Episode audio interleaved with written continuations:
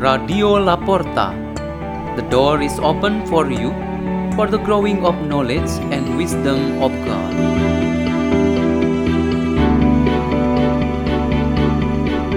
Delivered by Worley Pamilaran and Serafina Ko from St. John Bosco Church in Jakarta, Indonesia.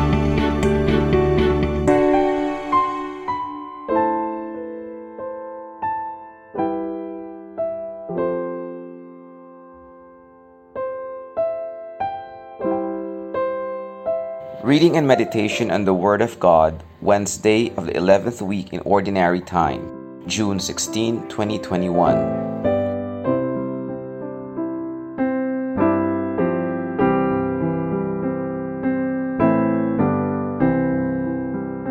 The reading is taken from the Holy Gospel according to Matthew. Jesus said to his disciples, Take care not to perform righteous deeds in order that people may see them. Otherwise, you will have no recompense from your heavenly Father. When you give alms, do not blow a trumpet before you, as the hypocrites do in the synagogues and in the streets to win the praise of others. Amen, I say to you, they have received their reward. But when you give alms, do not let your left hand know what your right hand is doing, so that your almsgiving may be secret, and your Father who sees in secret will repay you. When you pray, do not be like hypocrites who love to stand and pray in the synagogues and on the street corners so that others may see them. Amen, I say to you, they have received their reward. But when you pray, go to your inner room, close the door, and pray to your Father in secret, and your Father who sees in secret will repay you. When you fast, do not look gloomy like the hypocrites. They neglect their appearance so that they may appear to others to be fasting. Amen, I say to you, they have received their reward. But when you fast, anoint your head and wash your face, so that you may not appear to others to be fasting, except to your Father who is hidden, and your Father who sees what is hidden will repay you. The Gospel of the Lord.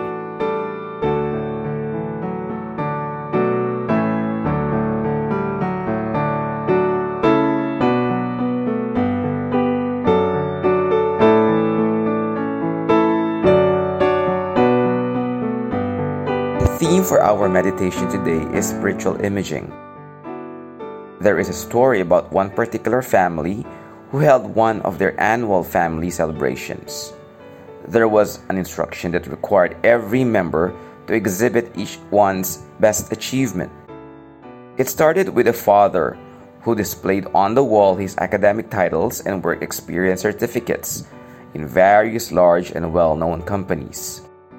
The following were the three children, displaying their bachelor, postgraduate, and doctoral degrees from their respective fields of study. The last in line was the mother. She didn't feel so insignificant at all because her academic achievement was only up to high school.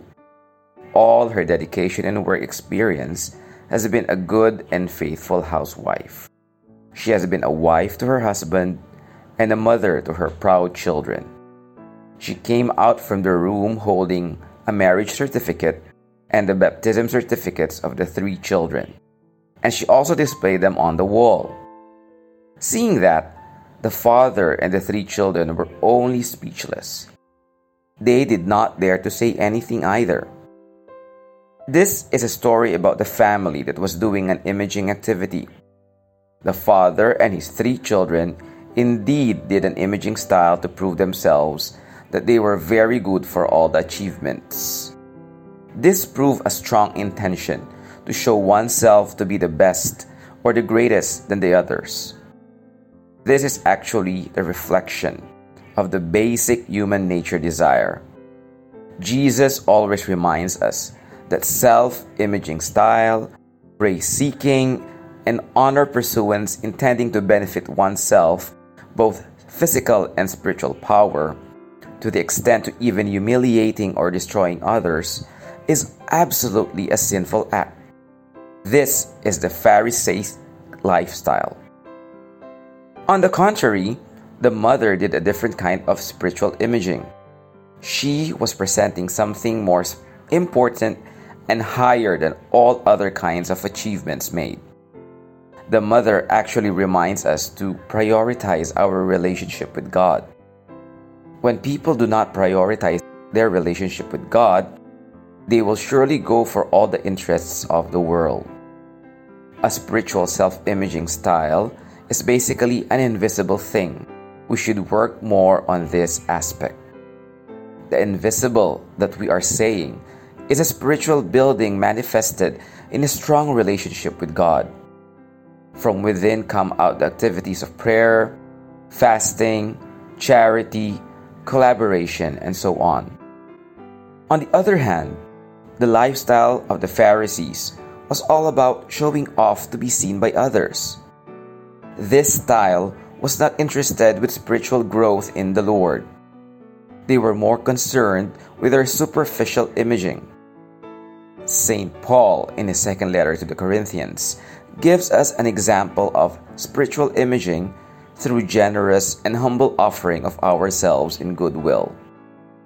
A spiritual imaging leads us to the greatness and glory of God, and not to the importance and supremacy of human nature. Let us pray. In the name of the Father, and of the Son, and of the Holy Spirit. O Lord, may in our words and deeds only your glory that concerns all our desires and never for the glory of this world. Hail Mary, full of grace, the Lord is with you. Blessed are you among women, and blessed is the fruit of your womb, Jesus. Holy Mary, Mother of God, pray for us sinners, now and at the hour of our death. Amen. In the name of the Father, and of the Son, and of the Holy Spirit. Amen. Radio La Porta.